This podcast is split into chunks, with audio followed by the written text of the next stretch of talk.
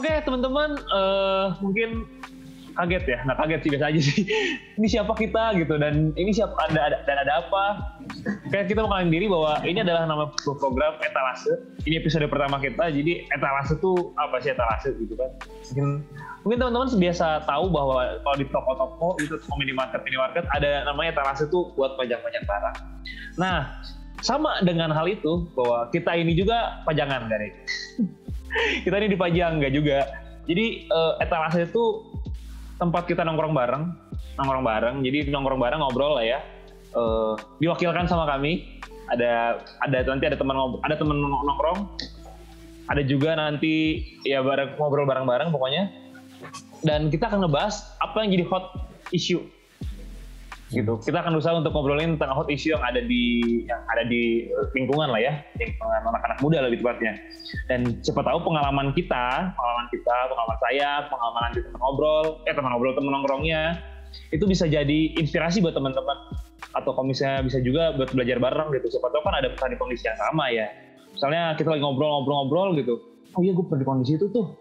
Nah kita ntar belajar bareng lah bagaimana bagaimana kalau misalnya di kondisi-kondisi tertentu gitu dan kita nggak menutup kemungkinan kok misalnya untuk misalnya teman-teman mau kayaknya gue mau nanya mau ngobrol ikutan ngobrol maksudnya ikutan ngobrol tuh nanya gitu atau kalau misalnya ngelemparin kasus itu feel free banget. Jadi kita rasa itu adalah tempat di mana kita nongkrong bareng ngobrol-ngobrol dan inilah eh, apa ya belajar sama-sama lah ya tentang banyak hal tentang banyak hal tentang kehidupan. Allah berat tentang kehidupan. Pokoknya santai aja ini mah santai sebenarnya.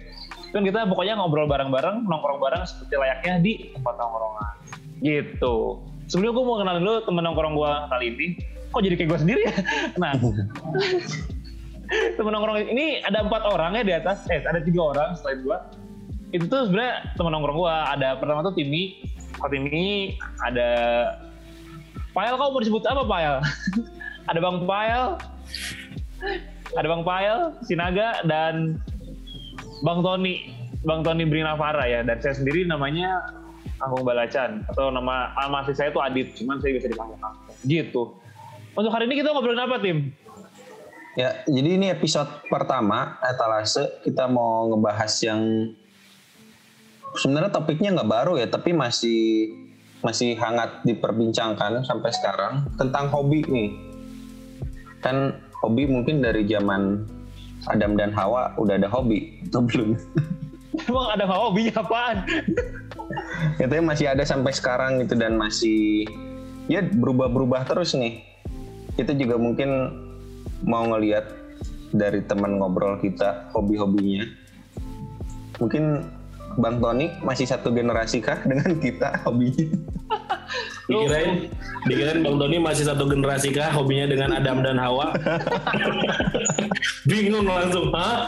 Generasi. Ya juga ya, Adam dan Hawa dulu hobinya apa ya? Metikin buah kali. tanam kali ya. Iya.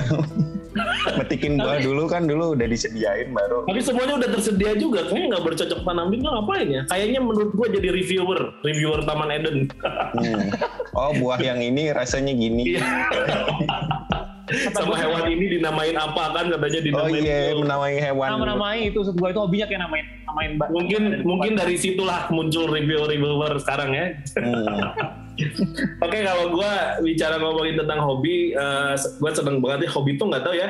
Hobi itu identik banget sama anak muda ya padahal sebenarnya udah tua pun semakin tua pun sebenarnya hobi itu masih tetap berasa ya. Tapi nggak tahu hobi itu terdengar sangat anak muda, terdengar sangat ya dunianya seru lah ya. ya. Kalau bagi gue pribadi, hobi gue ya nggak jauh-jauh dari anak muda memang, nggak jauh-jauh dari dunia kreatif, dari dunia hal-hal yang berbau seru lah gitu, keseruan lah maksudnya gitu. Nah tapi lebih spesifik lagi orang-orang udah pada ya orang yang kenal gue lah pasti udah tahu lah ya. Dari ini aja udah jelas kelihatan dari dari Maksudnya- profile picture gue. ini gue milih bukan karena oh nggak ada foto yang bagus lagi, enggak, bukan karena memang wah keren juga ya gitu ini foto gitu. Maksudnya hobi gue di musik karena emang kebetulan bukan kebetulan juga, gue emang dulu kuliahnya sempat kuliah musik dan emang gue sudah merasa merasa suka musik itu dari dari kecil ya. Jadi bukan hobi yang tiba-tiba ketemu pas SMA atau pas kuliah jadi memang dari dari SD bahkan dari TK kayaknya gitu. Kalau dari lahir sih gue nggak bisa bilang ya karena gue juga nggak ingat dulu lahir gue Dulu belum ada alat musik gitu ya di dalam janin. belum. Dulu kan tahu gue sih mak mak mak bapak gue nggak nggak ngedengerin apa Walkman atau Discman zaman dulu ya atau radio sekalipun. Radio dideketin ke perut gitu enggak ya, Bang? kayaknya enggak sih. Kalaupun dideketin kayaknya lagunya lagu Batak nih. Nggak tahu itu gue belum tahu penelitian lagu Batak efeknya apa kepada otak manusia? Hmm. yang gue tahu klasik tapi mereka nggak pada tahu klasik setahu gue Hmm. gitu sih. Jadi hobi gue so far uh, bukannya paling ininya lebih ke musik sih kayaknya untuk saat ini. Walaupun banyak sekali untuk hobi-hobi istilahnya apa hobi-hobi cadangan atau hobi-hobi yang ah, sub sub hobi lah ibaratnya. Ya gue suka di dunia kreatif itu dunia anak muda. Itu Nah, mungkin sebelum ke yang lain kita ngomongin dulu deh hobi itu apa sih menurut masing-masing nih biar kita sama dulu persepsinya. tapi kenapa nggak nanya dulu yang di bawah saya Nah biar nanti jawabannya nyambung dengan eh, apa arti Oh, hobi jawaban. dulu. Mm-mm. Kalau nggak ya Rafael dulu deh coba. Menurut Rafael hobi itu apa El? Kalau menurut saya itu eh, hobi itu adalah eh, sesuatu yang kita lakukan yang kita senangi intinya Kita sukai yang dan bukan gemari. dan bukan pekerjaan utama Hmm, Berarti di waktu luang gitu ya.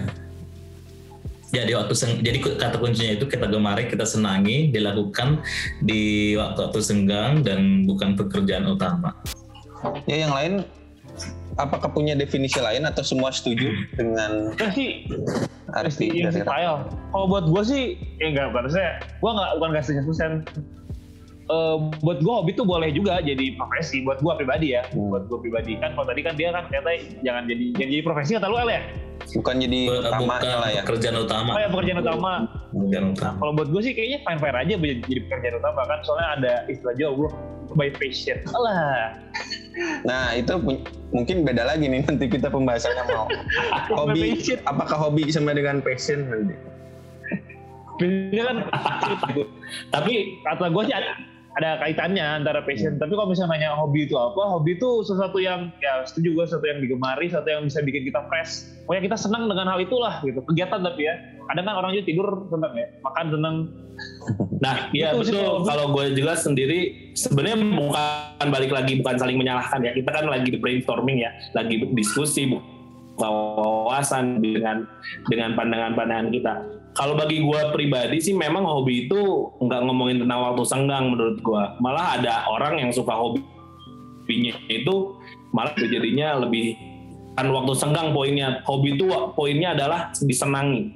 Kalau bagi gue sih Hmm. happy mengerjakannya senang suka cinta itu menurut gua hobi even itu mau di waktu senggang mau di waktu orang lagi tidur gua masih ngotak atik sesuatu yang gua suka di dan biasanya memang kalau gua pribadi lebih suka subuh subuh jujur kalau subuh subuh tuh lebih seru untuk, melakukan semua yang disukai gitu. Karena kalau siang pagi malam siang pagi malam itu masih sibuk dengan kerjaan ya. Walaupun bukan berarti itu waktu luang itu poinnya kalau bagi gue pribadi sih happy mengerjakannya.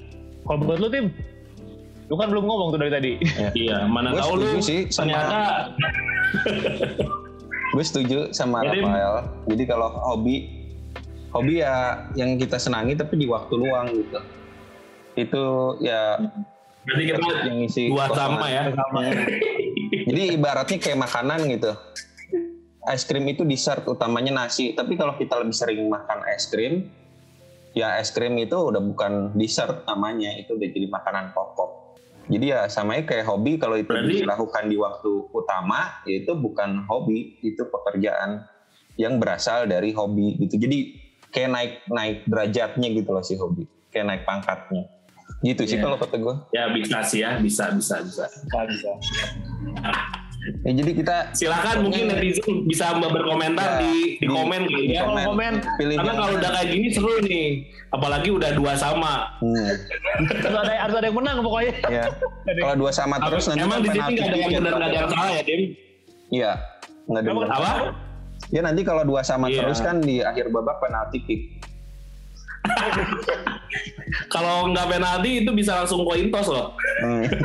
Tergantung siapa netizen yang paling banyak. Jadi silahkan komentar. Kalau bikin post. Oke. Jadi Pael mau ditanya tim. Ya, file nih.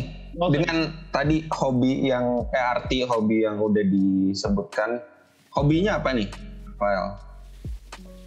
Kalau hobi saya itu ngoding, Ngoding. ngoding.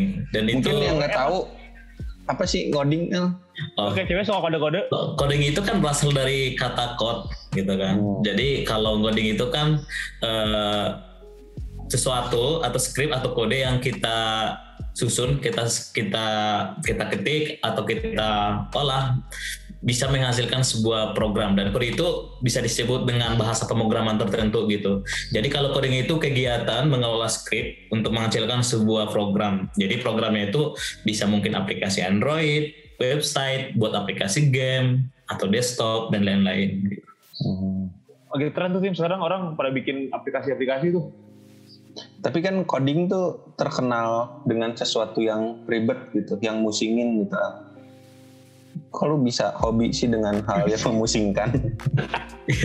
Iya, jadi awalnya itu eh, jadi kalau jadi waktu jadi pertama banget itu kan sebetulnya saya itu suka ngoprek-ngoprek komputer gitu kan. Tapi pada akhir-akhirnya kok gue tertarik nih sama sama eh, kenapa sih bisa buat orang aplikasi gitu. Jadi waktu waktu waktu itu waktu kuliah lah.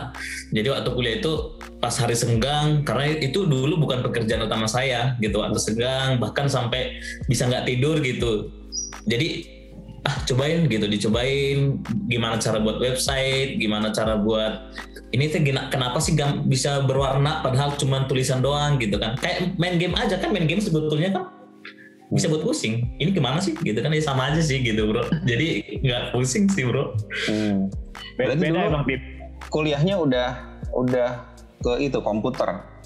Ya, kalau dulu kuliahnya itu kan komputerisasi akuntansi. Tapi dulu itu komputerisasi akuntansi itu kita ada belajar algoritma namanya sama eh, kayak ya algoritma lah terus nanti ada coding-coding. Nah, terus kok ini menarik ya gitu. Padahal kan komputerisasi akuntansi gitu. Makanya bukan bukan SI gitu, bukan sistem informasi yang memang fokus buat pro- jadi programmer gitu kan Hmm. tapi ini kok menarik ya gitu terus ya dicobain aja dicobain cobain gitu. Eh tiba-tiba bisa buat website tiba-tiba bisa jadi karena udah hobi bisa bisa buat website padahal itu emang nggak sini buat apa sih? Yang nggak buat apa-apa sih hobi aja buatnya gitu. Tiba-tiba bisa buat buat game di di web browser kayak game apa namanya itu bro? Yang ular-ular itu Snake. gitu gitu iya Kalau gitu game yang kalau internet mati yang ada dinosaurus loncat-loncat Google, Google. Ah, yang, yang gitu-gitu. Jadi, nah, yang itu itu bisa kita bisa kita kerjain. Itu itunya kita hilangin. Ka- apa sih namanya? itu? Tumbuhan kaktus ya. Kaktus. Kaktus. Nah, itu Kaktus bisa kita hilangin. bisa bisa kita hilangin. Ya hobinya gitu-gitu aja ngoprek-ngoprek gitu. Hmm. Kita, kita hilangin terus lewat terus gitu. Tapi gue jadi penasaran nih, Tim, Dit, Hmm. eh, sama Reval. Tadi kan baik lagi ini gue bukan ingin mempermasalahkan hobi itu waktu Ya. luang ya. Tadi tadi Reval sendiri bilang katanya eh, bahkan suka sampai lupa waktu katanya. So, sampai suka lupa waktu. Jadi maksudnya balik lagi ya ke tadi analogi Timi juga tentang makan es krim dan makan ber- makan makan berat. Nasi. Ah, ah, makan nasi dengan makan es krim. Maksudnya bahwa di sini tuh lu menghabiskan banyak sekali waktu kan dengan hobi itu. Tuh. Berarti tidak tidak waktu luang dong. Ya gini, jadi eh, kalau saya, saya coba so- saya coba ceritakan dikit kan kebetulan dulu itu kan ker- pekerjaan saya itu kan seorang admin lah admin di perusahaan ter, di perusahaan saya admin bukan ngoding gitu. Nah itu kan saya berarti punya ker- jam kerja normal dong jam 8 sampai jam 5 gitu. Nah eh, kebetulan saya suka ngoding gitu kan suka buat belajar belajar coding. Nah itu biasanya jam malam-malam gitu kadang-kadang sampai jam 2 gitu kadang-kadang sampai jam 2 makanya tetap saya eh, mengatakan bahwa itu adalah waktu bukan waktu utama, bukan waktu Oh, Waktu karena jam waktu kerja. utamanya jam Betul. 8 sampai jam 5. Iya gitu. Karena sama Waktu- kalau main game juga ada orang yang hobinya main game sampai pagi. Nah itu gimana? Ya gitu kan sama kan? Dikirain dikirain gua lu jam 8 dan pas prioritas aja sih sebetulnya bang gitu. Asik. dikirain pas lagi kerja lu ngoding wah itu dilarang ya pemirsa nggak boleh kerjaan aslinya bukan ngoding jadi untuk yang kerja jangan sosokan kayak melakukan aktivitas yang lain ya kerja mah kerja aja itu yang Jangan dulu main game diajarin. gitu ya pas kerja. Bang. Iya. jangan Iya, main kayak game gitu. jangan bukan kalau game kan jelas ya kayaknya salah gitu Hmm. kadang kita tuh kayak wah gue lagi mau berkreativitas padahal sebenarnya itu bukan kerjaannya dia juga ya harusnya memang fokus ya itu dulu ada pengajaran seperti itu yang gue inget oke oke Hobinya apa nih kalau Adit? gue gue baru mau nanya lu loh tadi, lu nanya gue duluan jadi. Kalau gue sebenarnya eh, nggak nggak beda nggak jauh-jauh dari mirip lah dengan dengan dengan siapa mirip dengan Bang Tony. Hmm. Nggak jauh-jauh dengan industri kreatif kalau ngomongin hobi gitu kan. Walaupun kalau misalnya ngomongin hobi berubah-ubah gitu kayak tiap beberapa tahun sekali berubah. Tapi sekarang udah 10 tahun terakhir nggak berubah lah. Jadi gue punya hobi itu eh, berkaitan dengan dunia visual, entah itu bikin konten. Sekarang lagi rame soalnya lagi bikin konten kreator. Gue udah ngerjain lama. Eh, udah ngerjain duluan. Jadi kayak bikin foto, bikin video gitu. Dan ini era-era PPKM ini menurut gue membantu banget loh. Jadi gue bisa lebih belajar banyak. Maksudnya belajar banyak tuh tentang hobi ya. Jadi kan karena saking banyak waktu luang tuh, waktu kosong. Jadi ya itulah ngulik banyak hal dan ya itu semakin semakin menarik lah. Jadi hobi gue adalah tentang dunia visual, fotografi dan video. Tapi fokusnya di foto sih. Karena bikin video tuh modalnya gede. ya, foto Kok gue jadi curhat sih? Gitulah. Nah, tinggal satu lo tim yang belum. Lu. Kalau gua sama sih berubah-berubah juga hobinya dari dulu. Dari dulu sukanya olahraga, suka main bola, Hmm. suka main bola, main futsal. Ah serius lo tim suka main bola Hmm. udah ket- ketemu ketemu pertama kita udah nggak ada bola ya di dunia ini jadi nggak tahu kayak gimana mainin si Timi main bola Iya. Dulu ma- masih eh, pernah nggak ya? Nggak pernah. Kayaknya pernah deh bang waktu main futsal teh lo bang. Jadi gue gak ikut sih. Kayaknya sama Rafael pernah ya yang di lapangan Supratman. Yang Iya, di Persib ya di situ pernah. Ya oh pernah. di situ kayaknya gue udah mulai pensiun Hmm. pensiun dini Oh iya. Tim jadi si Bang Tony itu dulu pemain Persib. Ceritanya Hmm. cuman gak jadi. aduh sudahlah lupakan saja Apa berubah haluan jadi ke musik? Eh, itu karena karena itu tidak di, eh, didukung oleh orang tua ya. Walaupun musik juga sebenarnya awalnya tidak didukung, cuman ya kalau nggak didukung terus mau gimana gitu. ya tapi kan yang penting itu dukungan dari Tuhan ya. Maksudnya gue meyakini itu dan gue memastikan itu ke orang tua bahwa pada akhirnya gue harus musik. Gue memastikan bukan berarti gue oh sosokan denger Tuhan tapi nggak mau dengar orang tua nggak. Buktinya gue nggak mau main bola lagi karena gue dengar orang tua dan endingnya pas mau musik mungkin udah semakin mature ya, semakin dewasa, semakin bisa bertanggung jawab. Nah akhirnya gue ambil juga Hmm. gitu. Ini lanjut lagi dong. Tadi si Timi Oh, iya. ngomongin tentang pesepak bola, ternyata gue baru tahu Timi pemain bola. Ya, dulu main bola bahkan jadi cita-cita itu main bola. Sama dong. Tapi nggak kesampaian. Ya karena saya ada satu penyakit yang nggak memungkinkan untuk jadi pemain bola. Kemudian tetap di olahraga, dulu main squash. Itu juga jadi hobi. Tapi itu yang tadi saya bilang ketika hobinya udah eh, bukan di waktu luang lagi nih, bukan di waktu senggang, udah kayak di aktivitas utama. Jadi beda sih itu udah udah bukan hobi ya ini. Kerjaan, tanggung jawab. Jadi iya udah jadi udah ada tanggung jawab karena itu. Karena ini profesional dibayar kita ada tanggung jawab. Ada tekanan gitu. Kehilangan funnya. Kok lu bisa sih nggak boleh main bola jadi main squash? Emang nggak ada efeknya? Eh ini ada physical contact kalau bola. Oh. Oh. Kalau itu kan enggak. Squash kan cuma ada. ke tembok ya? Minim lah. Mm. Yang ada lawannya juga, cuman nggak nggak nggak Nggak sikut-sikutan Ya, nggak gitu. Oke. Berarti sampai sekarang lu masih main squash dong tim? Sejak ini PSBB PPKM ditutup sih lapangan. Kan padahal nggak ada kontak fisik ya. Iya loh. Tapi satu ruangan di satu ruangan itu bang. Oh iya, di satu ruangan berdua kan ya. Hmm, ruangan berdua. Nah Iya. terus eh setelah itu hobinya sebenarnya bukan hobi ngelihat ngelihat apa orang foto-foto gitu kan bikin video ya? jadi enggak sih waktu itu belum kenal lo kayaknya. SMA saya dulu beli kamera pun dari hasil uang juara. Squash. kamera pertama. Uang juara squash dibeliin kamera. Hmm. dari situ ya suka ya sempat jadi eh, udah udah ada penghasilan dari situ. Sempat penghasilan dari bikin video dari foto Eh, sekarang berubah lagi nih karena. Gua tahu kenapa lu berubah tim. Izinkan gua bilang. Karena hobi lu jadi kerjaan, terus jadi males, jadinya nyari hobi lagi, hobinya jadi kerjaan lagi, pergi lagi. Iya. Aduh, hobinya gitu. mungkin cukup aneh dan nggak akan bisa diatur ya. Mungkin bisa diatur. Gue suka belajar gitu. Waduh. Keras Berarti sebenarnya lu nggak suka dibayar tim. Kalau dibayar lu Iya, bebannya suka kayaknya tinggi. Beda. Heeh. Bener juga ya. Beda feel-nya gitu loh. Oh. Fun-nya. Jadi senangnya tuh lebih senang ketika terima duitnya gitu. Bukan ketika terima jobnya. Oh gitu ya. Berarti lu nggak akan dapet job banyak atau gitu. Wah nggak amin lah gitu kayak. Aduh. Hmm, Iya karena cukup idealis juga gitu. Gue nggak nggak suka nih, nggak cocok jobnya. Nggak nggak bisa. Gue ambil gitu. Ya, Ya, itu tapi beda-beda ya orang-orang. Hmm, Ya, Iya. orang kadang berubah sama gara-gara tren. Orang berubah gara-gara duit loh. Ini hebat sekali. Hmm. Jadi nggak hobi lu jangan kehilangan dibayar ya fun-nya sampai sampai kapan pun. Nah ini mungkin karena baru-baru dan saya kerjanya kan jadi dosen. Saya baru merasakan ternyata privilege jadi dosen itu boleh sit in di kuliah mana pun. Oh ya? Jadi Benar, benar, gratis. benar. Saya bisa belajar sit in dengan gratis. Hmm? Sit-in apa tim ya ngomong? Sit in itu jadi ikut kelas. Ngikutin kelas. Kita nggak nggak kita nggak daftar gitu loh. Cuman duduk aja dengerin belajar gitu. Oh. Nggak ujian, nggak nggak ngerjain tugas gitu. Pokoknya nggak. Dulu kan belajar jadi hobi itu juga baru-baru dulu kayak beban gitu sama lah kayak kebanyakan siswa dan mahasiswa gitu.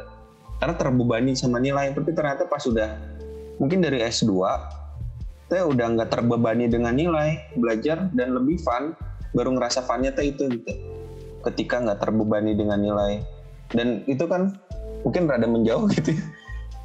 Finlandia negara pertama eh ya terbaik pertama di pendidikan dia nggak ada sistem scoring dan mungkin itu Iya. yang menjadikan pendidikan nomor satu gitu mungkin itu juga bisa Sorry bisa- tadi apa?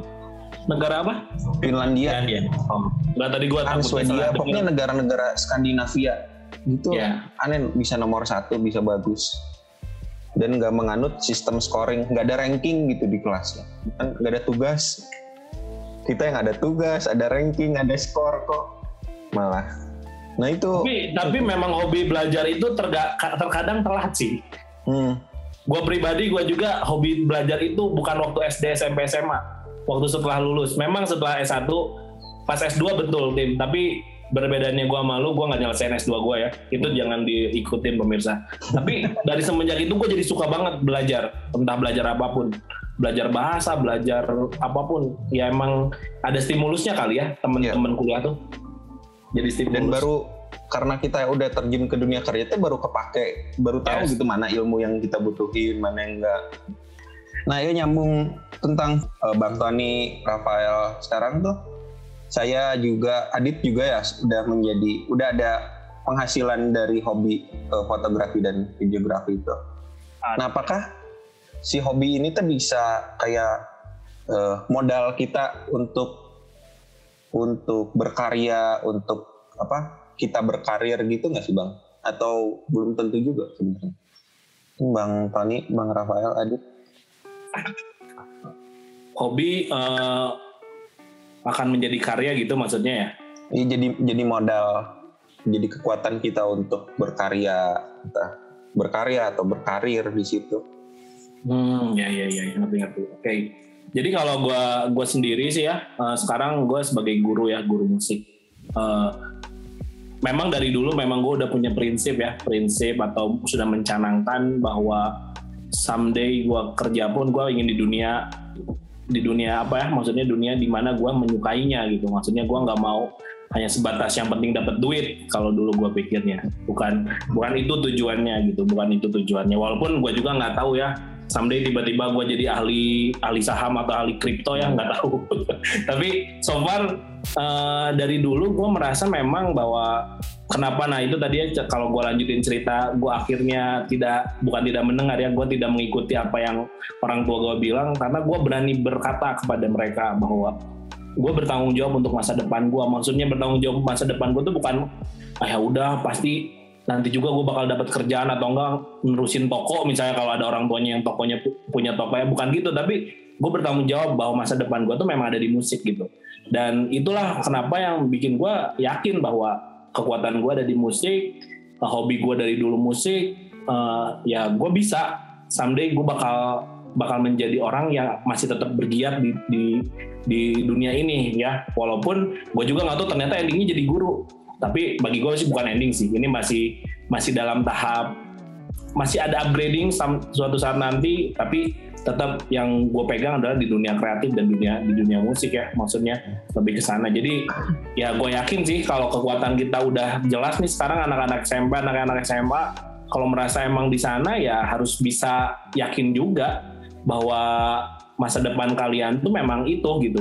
Jadi jangan cuman karena suka sekarang, gue suka main game, bisa lah nanti dia dapat uang kan banyak gamers gamers dapat duit. Ya apakah memang bisa dipertanggungjawabkan atau tidak? Gue sih bukan bukan berarti menolak orang-orang yang suka game. Gue su gue suka banget sama orang-orang yang gamers yang emang punya visinya jelas ya gitu. Jadi bagi gue sih hobi itu bisa jadi kekuatan untuk kita suatu saat nanti menjadi seseorang yang ada di dunia itu juga kayak ada beberapa orang yang gue kenal juga ya hobinya dagang dari dulunya dagang kayak akhirnya memang beneran jadi pedagang sekalipun dia kuliah maksudnya kuliahnya udah dahsyat gitu ya S2 gitu S3 tapi karena emang ya kuliahnya juga memang tentang ekonomi juga sih memang. Tapi memang basicnya dari sana akhirnya dia jadi yang sukses juga gitu. Orang-orang yang orang-orang seperti itu terlihat banyak sekali bahkan zaman sekarang. Gitu sih. Mungkin dari yang lain gimana? gue setuju sih ya gengs dari yang bang Tony bilang bahwa itu tuh bisa jadi modal modal banget ya modal banget gitu. Event event kita yang gonta ganti tim. Event kita yang gonta ganti hobi ya. Menurut gue tuh nggak uh, nggak nggak nggak nggak sia-sia ya nggak sia-sia lah ya gitu. Maksudnya kita kita pernah di kondisi misalnya kayak gue gitu. Gue pernah punya hobi bermusik. Gue tuh tidak merasa maksudnya itu tidak sia-sia gitu. Bahkan jadi bisa jadi bisa jadi bisa banyak hal gitu. Ketika orang belajar musik banyak orang belajar musik gitu untuk untuk suatu hal nah gue tuh udah bisa gitu. Dan sekarang tuh bisa bisa kesannya kalau misalnya nongkrong nongkrong itu gue masih bisa main gitar lah. Untuk nongkrong nongkrong doang mah. Untuk di panggung juga masih bisa sih sebenarnya. Ya maksudnya itu tuh nggak nggak sia-sia gitu. Dan kalau misalnya main modal modal banget lah ya. Kalau misalnya kita nggak tahu gitu kan suka ditanya kok bisa lu apa? gitu. Dan lu nggak tahu mau apa. Nah sebenarnya hobi lu tuh adalah kekuatan juga yang bisa bisa bilang bisa bilang e, eh, gue bisa A, gitu. Kayak gue gitu. Kekuatan lu apa? Gue bisa eh gue bisa apa sih gitu? Gue bisa motret bro gitu. Gitu dan itu tuh dan ternyata sekarang jadi trending banget gitu kan orang foto gitu. Kalau misalnya ya bahkan video gitu. Sekarang orang pada rame-rame bikin TikTok eh TikTok. Itu kan salah satu editing foto gitu. Sekarang kan lagi ramai banget. Nah menurut gue itu jadi jadi salah satu modal. Ya bisa banget lah. Kekuatan yang bisa dijual bisa dibilang ya. Kalau ngomongin nanti cuan lebih besar. Tapi itu kuncinya adalah tanya Bang Tony uh, selagi muda mempertanggungjawabkan harus berani mempertanggungjawabkan apa yang kita pilih.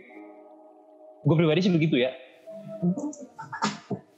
Kalau saya itu sekarang uh, hobinya itu kan ngoding, tetapi puji Tuhan uh, itu menjadi sebuah keahlian buat saya. Dan saya sebetulnya menemukan oh saya cocok di sini ternyata. Dan itu sekarang menjadi sebuah pekerjaan utama bagi saya gitu. Walaupun ngoding itu tetap menjadi hobi saya tetapi tetap seperti yang tadi saya bilang kalau pekerjaan tetap pekerjaan yaitu sebagai programmer dan hobi tetap ngoding yang biasanya suka saya lakukan setiap pulang kerja yang saya lakukan dengan senang dengan kesenangan. Maksudnya tanpa beban ya gitu kan. Bedanya kan dengan pekerjaan gitu ada tanggung jawab gitu. Nah e, sebetulnya di awalnya itu ketika kita serius tekun konsisten melakukannya eh, jangan-jangan itu bisa menjadi sebuah keahlian buat kita dan jawaban atas apa yang kita cari tentang tujuan hidup mungkin Hmm. gitu itu itu menurut saya asalkan kita konsisten aja dan serius ya gitu Iya. serius gitu nah kita perhatikan hobi kita itu coba kita perhatikan untuk ini untuk anak-anak muda nih yang punya hobi sekarang nih coba kita perhatikan kalau kita seriusin nih apakah ini bisa menjadi sebuah eh, menghasilkan ke depannya gitu Hmm. gitu sih Ya. Ya. kalau dari saya bro eh ya kalau saya coba menyimpulkan, bukan menyimpulkan juga sih ya tarik benang merahnya gitu. Jadi kayak karena kita hobi itu kita melakukannya terus menerus, jadi dan kita ada apa ya, ya kayak ada energi tambahan yang kita keluarkan dan nggak habis-habis gitu. Kayak ya Rafael jam tidur tapi dipakai ngoding gitu.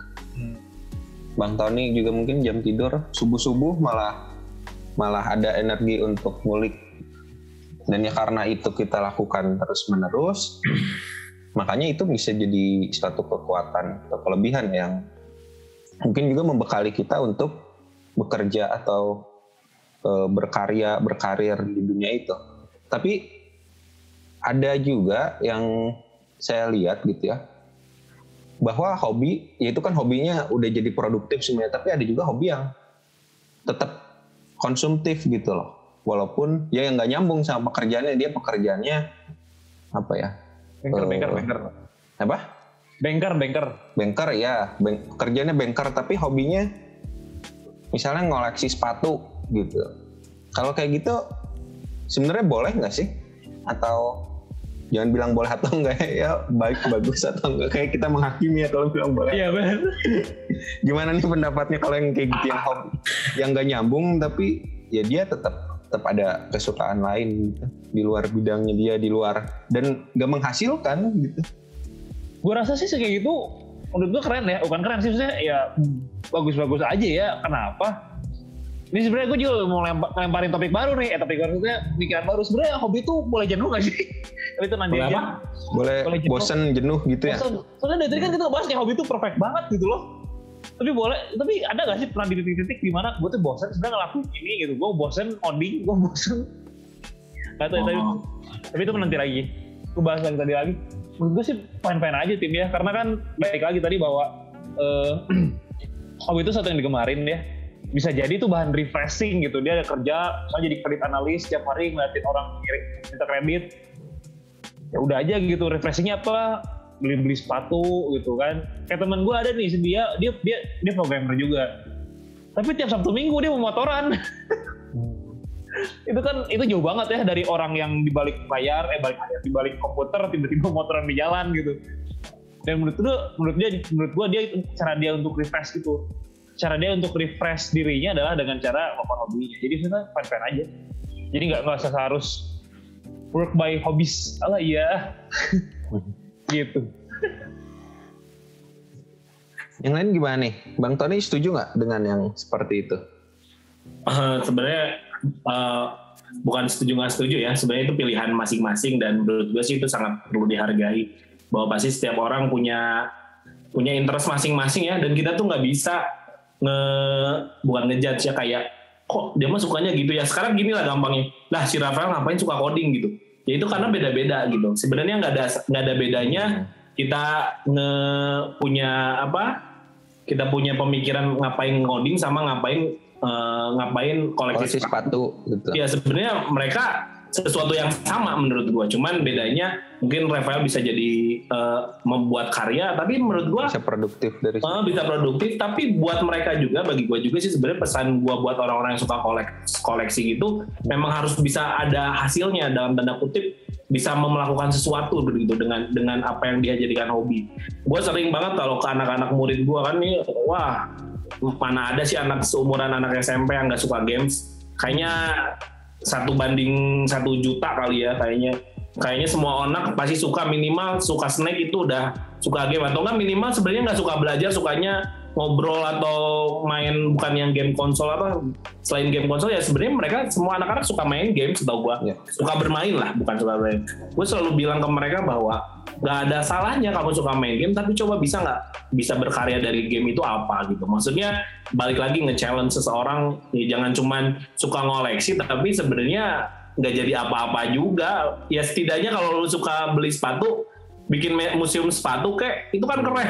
Pameran Ya, gitu Iya, maksud gua lebih ke ada efeknya juga sih hobi itu buat orang lain. Itu menurut gua seru ya. Maksudnya jadi bukan hobi yang kita tuh kaget tiba-tiba oh ternyata sini sukanya ini. Terus ya bagi gue baik lagi itu pilihannya dia. Kalau emang ternyata dia cuma pengen ngekip sebagai refreshingnya dia di kamar gitu misalnya punya banyak action figure gitu. Tapi kalau cuman di hold di kamarnya doang nggak dilihatin kayaknya sayang juga ya. Menurut gua perlu ada pamerannya kah? Atau mungkin emang untuk bisa bikin konten review action Heeh, figure bisa dilihat gitu. betul bisa jadi reviewer bisa di- dilihat orang kalau ada orang bisa lihat ya bisa bisa lihat kan senang juga happy Hmm. bikin happy juga gitu tapi ya bukan untuk sombong-sombongan ya sekarang lagi seru tuh sombong bintang ini punya ini waru di reviewnya tuh sebenarnya bukan nge-review pengen sombong aja tapi itu ya terserah mereka Hmm.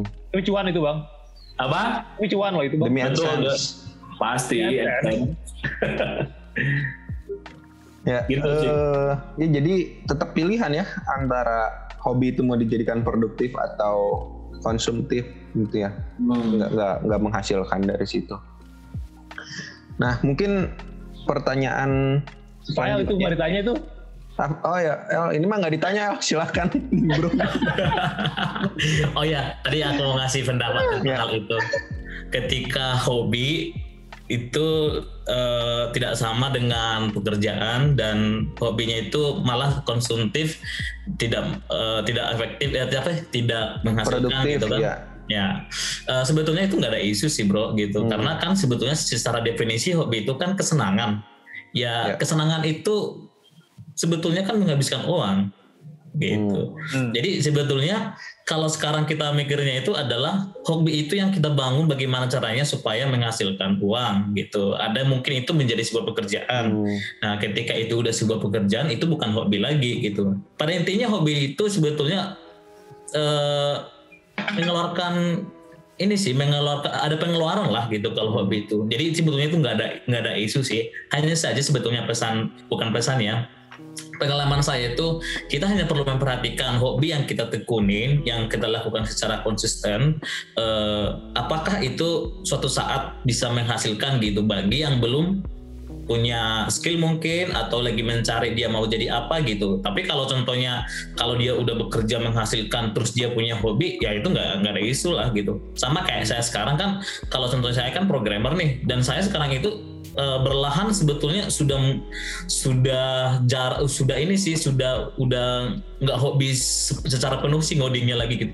Malah sering kayak jadi kayak baca tentang blockchain, eh, baca-baca tentang apa itu cryptocurrency gitu kan. Nah, karena saya berpikir nanti ke depannya itu ini suatu teknologi baru gitu. Jadi eh, intinya cuma satu eh, satu poin yang tadi itu sih. Ketika hobi itu bisa menghasilkan, sebetulnya yang kita perhatikan itu adalah ke depannya gitu maksudnya. Atau hobi ini bisa nggak sih nanti menghasilkan uang gitu? Karena ketika itu sudah terjadi ke depannya isi hobi itu sebetulnya bukan hobi lagi.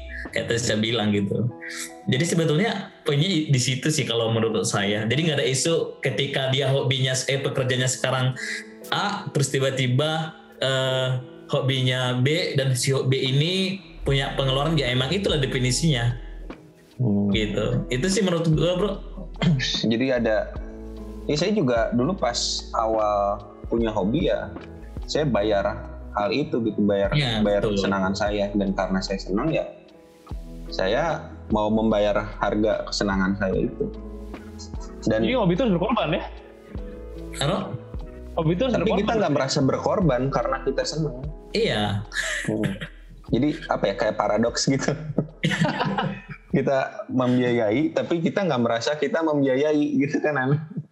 Karena Ya, kita minimal kita senang. korbanin waktu aja. Ya, Iya, padahal betul. waktu itu bisa kita pakai tidur, tapi kita pakai untuk hobi kita, melakukan yang kita senang.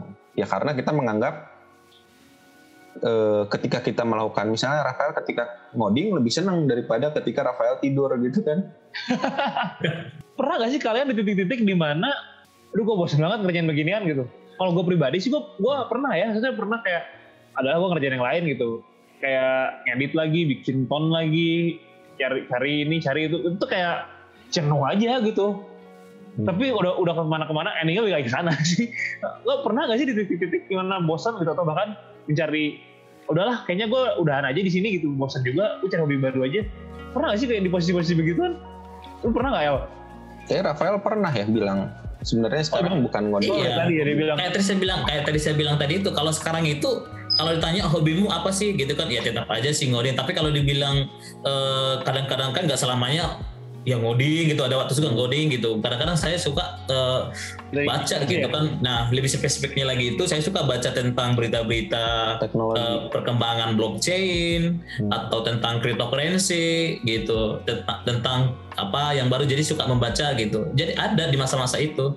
Yang sebetulnya kan yang kita yang kita sampaikan itu ataupun yang kita sampaikan itu adalah hobi pekerjaan saya sekarang itu adalah berasal dari hobi gitu. Makanya pesan yang akan kita sampaikan kepada anak muda itu atau anak-anak SMA itu coba perhatikan hobimu. Jangan-jangan itu bisa menjadi meng- produktif di hari depanmu gitu. Sebetulnya itu.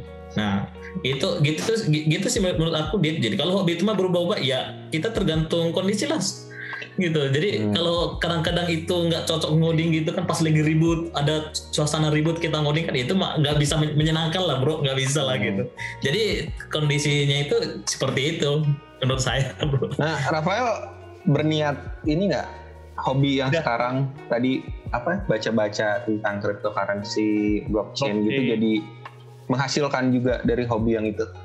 Oh iya, jadi eh, saya sekarang melakukannya itu ya tidak asal hanya karena pertama karena ada rasa pengen tahu ya. Hmm. Terus, Yang tapi kedua karena udah invest ke situ.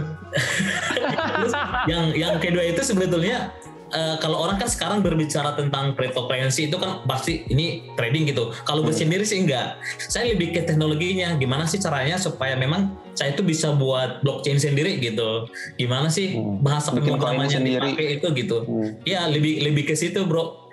Dan by the way, Rafael ini punya channel tech sendiri nih, punya channel teknologi sendiri boleh dipromosiin L.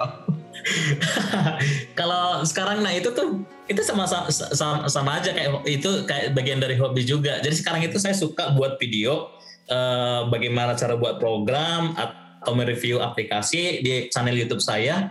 Eh, nanti bi- mungkin bisa dikunjungin gitu. Oh, karena naon? Iya apa namanya? Oh, karena naon? Caranya RF Script, RF, RF Script. Sebetulnya kalau dicari Revan Sinaga itu bisa muncul juga sih gitu. Tapi nanti RF RF Script. Nah, itu nanti bisa ke sana dan itu saya lakukan di masa-masa pandemi loh. Bisa gitu. Jadi jangan hobi itu sebetulnya jangan fokus kepada diri kita sendiri. Jangan Selain daripada bisa juga. menghasilkan uang, jangan-jangan itu bisa memberkati orang lain gitu. Kayak, kayak kemarin saya buat channel YouTube, ya puji Tuhan ada eh, teman-teman waktu di kuliah itu, bang bagus ya, saya bisa belajar gitu kan YouTube, ya, saya bisa buat program ini. Ya sebetulnya itu udah berkat daripada lebih besar daripada subscriber subscriber gitu gitu kan Hmm.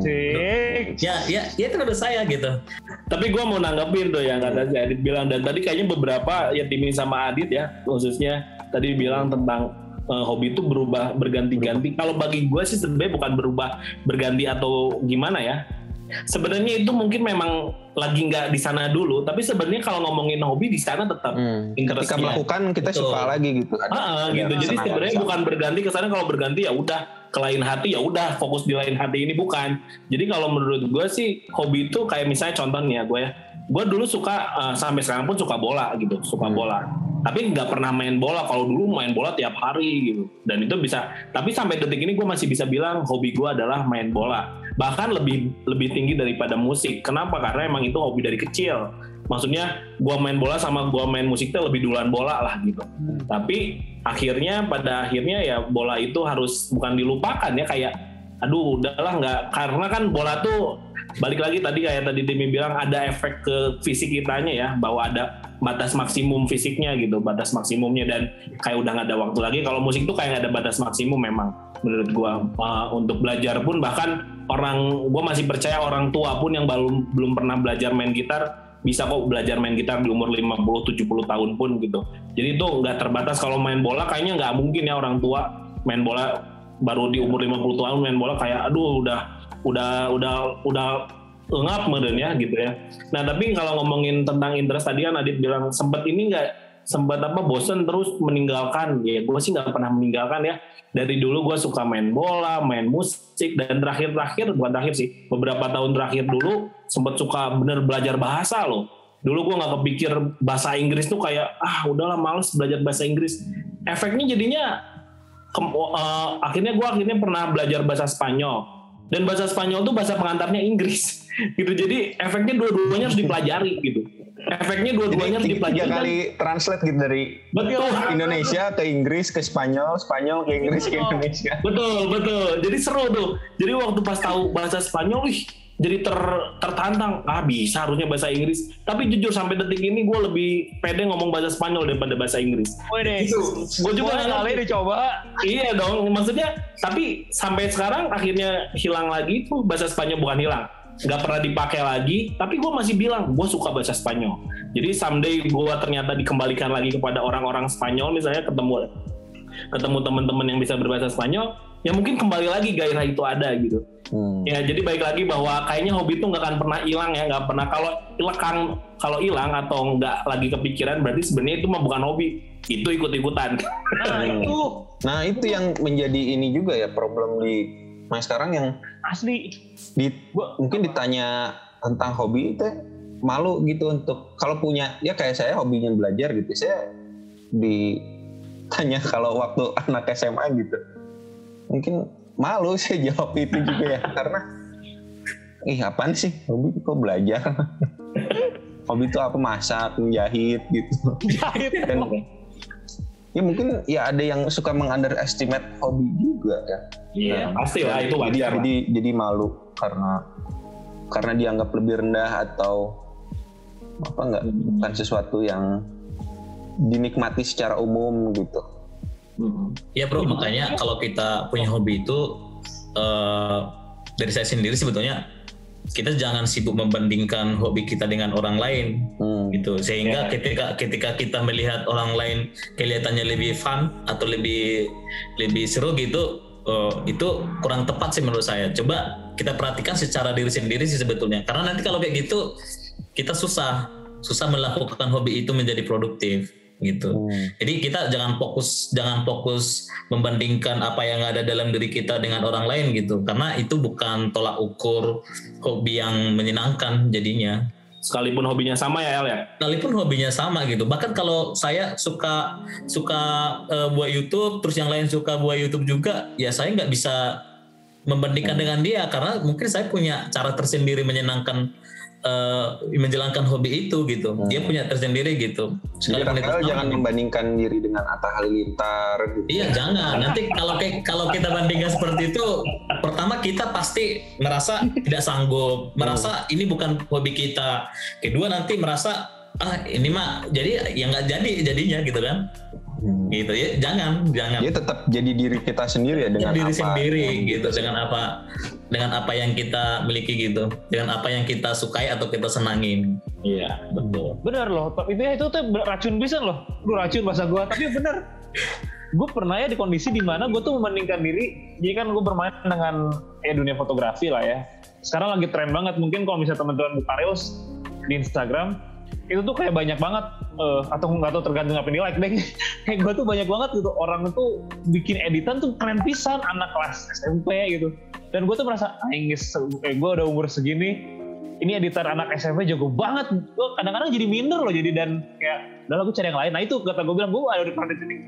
Kayaknya gue bosan dengan hal ini gitu. Karena yang lain tuh lebih jauh. Tapi memang benar sih yang Rafael bilang bahwa ya nggak perlu kebandingin. Tapi yang penting adalah kita fokus dari apa yang kita sukai. Setuju gue El? Wuh. iya betul Iya, setuju sih. Eh, saya pengen nambahin dikit lagi Ya. karena memang ketika itu kita konsisten melakukannya dan tekun melakukannya dan itu bis dan orang-orang tertentu bisa um, menemukan tujuan hidupnya nah itu lebih lebih ini lebih lebih cepat atau lebih tepat lagi gitu kan karena kita masing-masing manusia itu Tuhan ciptakan itu kan punya punya tujuan masing-masing Ya, gitu. Dan tujuannya Punya- unik ya untuk ya setiap orang tu- makanya tujuan khusus tujuan yang khusus yang unik dari dari pencipta kita gitu kan. Nah dengan seperti itu dengan yang kayak tadi itu ketika kita jadilah dengan diri sendiri tetapi dengan tekun konsisten dengan si hobi itu jangan-jangan itu bisa menjadi sebuah jawaban ketika kita mencari saya mau jadi apa? Hmm. saya mau jadi apa di dunia ini? Gitu bro Benar sih. Dan gue lihat-lihat tuh ya, biasanya orang-orang yang orang-orang yang udah berhasil, berhasil itu maksudnya orang tuh bilang itu bahwa karyanya keren, bahwa hal yang di yang dikerjain itu bagus sih. Kuncinya konsistensi sih. Konsistensi ngerjain gitu dan kalau berbicara hobi ya, kan itu subjektif ya. Apalagi kalau misalnya dunia fotografi gitu, selera orang beda-beda. Mungkin gue bilang itu yang gue bilang bagus, bagus. Tapi pas gue liatin ke sini, ah nggak sih Dit, B aja gitu ya baik lagi gitu. Kalau kita konsisten ngerjainnya biasanya akan jadi keluar karya-karya bagus. Gue baru ingat Bang Ton itu membuat lagu loh. Dan menurut gue konsisten abang konsisten abang dari musik dari dulu sampai bikin lagu berapa banyak album bang? 13 album ya? Sebenarnya disebut konsisten sih bukan konsisten sebagai waktu ya, tapi konsistennya bahwa gue menyukai itu dan akan terus gue lakukan gitu ya. Tapi belum belum sampai lah konsisten yang satu minggu satu lagu dua minggu enggak sampai detik ini gue mengajarkan orang-orang anak-anak ya khususnya anak-anak SMP songwriting. Jadi memang karena itu hobi gue dan gue tahu celahnya di mana jadi gue pun mengajarkan itu terus gitu. Dan pasti eh, tertantang juga untuk masa gue ngajarin mereka gue guanya nggak produktif juga ya gue juga harus memberikan contoh kan berarti ke mereka. Gitu sih kalau ngomongin tentang konsistensi dalam membuat lagu bukan yang full bakal ada seminggu sekali dua minggu sekali enggak sih. Tapi akan gue hidupi terus itu sih kalau dari gue jadi jadi penghidupi hobi gitu bang ya bisa dibilang. Iya. Konsisten tuh ya. Nah, jadi tadi menarik yang disampaikan Rafael terus Adit Bang Tony juga. Jadi kayak hobi itu sebenarnya kayak clue gitu ya, clue clue dari Tuhan buat tujuan hidup kita. salah Dan satu salah satu clue-nya gitu ya dan yang bisa kita lakukan untuk Perhatikan. menanggapi clue-nya tersebut ya memperhatikan terus ya kalau kita emang suka ya kita eh, konsisten di situ gitu. Nah, mungkin ini terakhir nih eh, yang bisa kita kalau kita udah punya hobi, udah tahu nih kita senangnya di mana, entah itu musik, ngoding, masak, menjahit, bikin konten gitu. jahit Yang terus kita pengen supaya hobi itu tuh produktif gitu, bukan cuma konsumtif. Ya minimal bisa membiayai hobi itu sendiri gitu. Nah ada tips-tipsnya nggak dari yang lain yang udah udah menjalani hobi itu sehingga produktif? Oke, gue dulu lah ya. Ya. Kalau ngebahas tentang produktif sih, gue pikir tidak hanya semata-mata menghasilkan uang kali ya. Ya, Kalau produktif dari gue, produktif tuh bisa menghasilkan sesuatu yang bisa dirasakan oleh orang lain sih. Lebih eh, ya secara secara ini gue ya, secara pemikiran gue. Nah kalau untuk buat ya siapa pun yang denger ini kalau emang kalian udah suka hobi dan mungkin masih pelajar tapi kan emang mau ngasilin duit gimana masih sekolah juga gitu. Sebenarnya yang membuat yang membuat hobi gue semakin ter apa semakin terarah tuh kenapa coba? Sebenarnya pelayanan di gereja loh di gereja. Jadi gue pelayanan udah dari SMP kali ya. Udah dari SMP dan gue akhirnya memutuskan kuliah musik pun karena gue udah melayani musik dari SMP dari SMA ya. Dan dulu gue nggak mikir memang nggak mikir tentang duitnya. Gue waktu akhirnya kuliah musik pun gue bilang bertanggung jawab tuh ya gue berani berani bertanggung jawab. Karena apa? Karena emang gue kuliah tuh untuk untuk pelayanan gitu. Untuk melayani Tuhan untuk melayani orang-orang gitu. Dan gue percaya banget lah kalau emang udah fokusnya ke sana Tuhan pasti bakal bakal menjagai gue juga sih itu in- ininya poinnya kenapa gue berani bilang bertanggung jawab gitu. Nah terus eh, jadi pesannya apa ya bahwa supaya hobi kita produktif, gue gue sih sebenarnya mengajak mengajak siapa pun yang ngedengerin anak-anak SMP, anak-anak SMA, mahasiswa atau bahkan yang udah kerja, sebenarnya paling sederhana tuh kita bisa ambil bagian di pelayanan di gereja. Dan gue yakin pelayanan di gereja tuh nggak nggak ini loh nggak terbatas menurut gua dulu gua pernah Hmm. pernah min- eh, pernah mendorong seseorang yang dulu kuliah kuliah olahraga ya lu harus bisa melayani di gereja juga. Emang pelayanan apa di pelayanan olahraga di gereja apa gitu di, ditanyanya? Kan di gereja mau main musik atau apa, khotbah atau bla bla bla gitu. Tapi bilang lu bisa jadi koordinator olahraga gereja dan ternyata bisa terjadi dijalankan dan akhirnya banyak orang diberkati juga ya khususnya kayak Timmy bisa akhirnya ketahuan main bola. dan gue juga ya maksudnya ya di, di ada yang nge, nge ini dan pelayanan tuh nggak harus melulu yang ada di di gerejanya maksudnya nggak ada di hari hari ibadahnya bukan pelayanan tuh kita bisa hmm. atau mungkin di luar gereja pun menurut gue nggak masalah di luar gereja kita bisa melayani orang misalnya lu suka coding lu suka fotografi kan lu nggak harus fotografi hanya khusus orang gereja doang kan nggak mungkin kan Ya, iya lah. Gerejanya di mana? Oh, gerejanya di sini gua akan fotoin. Gak akan gitu kan gitu. Bahwa nggak nggak ngecek kata dulu kan agamanya apa ini nggak akan ngecek jadi balik lagi tapi di gereja pun dipakai tapi di dunia luar pun banyak juga orang pakai gue juga main musik nggak bukan hanya sebatas di gereja makanya gue kerja di sebagai guru kan karena gue juga bisa menjadi berkat buat anak-anak bisa menolong mereka bisa ya bisa mengajarkan apa yang gue sukai juga sih jadi sebenarnya uh, ya bersyukurnya produk uh, syukurnya ya gue dibayar. Tapi sebenarnya kalau produktif ini ya kalaupun nggak dibayar selama kita bisa menjadi berkat itu menurut gue luar biasa ya. Kalau tadi uh, Rafael bilang seneng banget kalau ada yang bilang thank you thank you keren banget ya uh, bang gini-gini. Ya sama gue juga ketika main musik kalau ada yang bilang thank you ya tadi main musik. Emang kenapa? Ada perasaan gue setiap hari juga gitu gitu. Cuman ya seneng emang ketika ada orang yang bilang gitu. Tapi ya ketika akhirnya dibayar pun ya tadi yang Tibi bilang pas dibayarnya senang gitu. Tapi ya ya happy happy aja semuanya dilakukan dengan penuh sukacita bahwa apa yang bisa kita lakukan sekarang bisa berdampak buat orang lain tuh keren banget menurut gua. Setuju bang. Gua gua gua tuh ya, nyambung banget sorry gua langsung gua sambut nih. Maaf ya abis ini lu aja ya. Abis ini lu. Gue suka banget nyambut. Iya ini kalau ngomongin hobi ya kan gue di dunia foto ya menjadi mungkin kalau Bang Tony kan langsung langsung strict ya. Maksudnya bukan langsung strict langsung jelas bahwa dia untuk pelayanan. Kalau gue tuh ngomongin foto gue tuh sangat senang ketika foto gue dipakai. Setelah dipakai tuh entah jadi DP DP orang even hanya DP orang gitu atau kalau nggak jadi diupload di sosmed mereka. Nggak tahu ya gue tuh merasa bahwa itu tuh memberkati mereka gitu. Jadi maksudnya ngomongin ngomongin tampilan sosial media atau ngomongin DP di story dari dari apa WhatsApp atau sosial media lainnya kan berarti itu teh sesuatu yang dia banggakan bahwa itu tuh hal yang bagus gitu ya. Jadi dia senang dengan hal itu. Nah gue tuh merasa gue berkata dari sisi situnya. Kalau Bang ini kan jelas ya melayani di gereja gitu. Gue gue gue mau tuh salah satunya ngomongin produktif itu.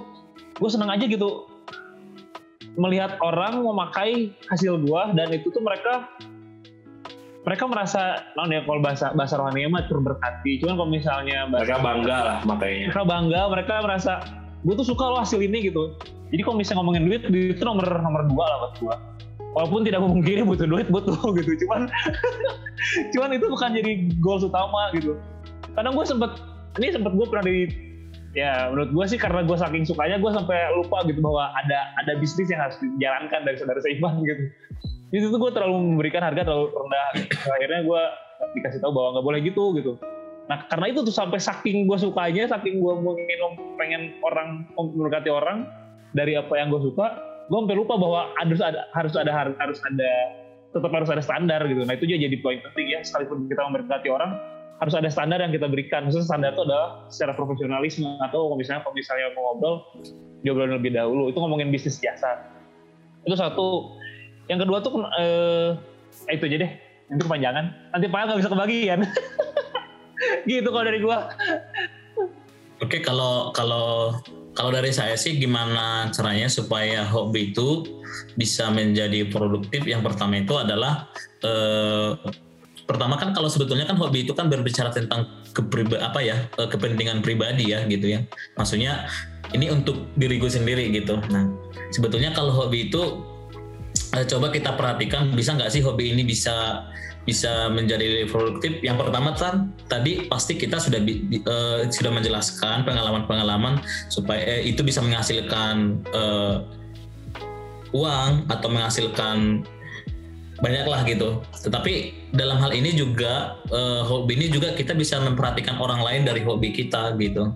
Ya sama kayak tadi saya bilang itu kalau contohnya ada teman saya yang lagi uh, berusaha, saya sendiri mungkin bisa bantu dia untuk mungkin buat toko online dia gitu kan.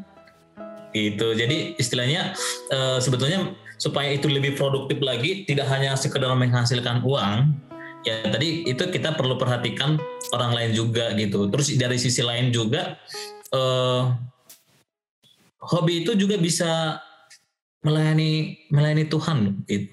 bisa jadi kayak saya sekarang di gereja ketika saya disuruh uh, nyanyi nggak bisa. Apalagi ya uh, nari nari L nari nggak bisa gitu kan. Khotbah khotbah.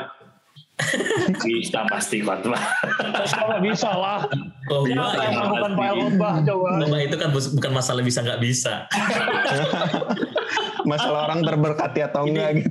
ya itu bukan bukan masalah bisa nggak bisa sih. Ya tapi terlebih dari itu uh, saya di gereja itu sekarang bisa dibilang masuk ke tim tim sosial media atau tim komunikasi.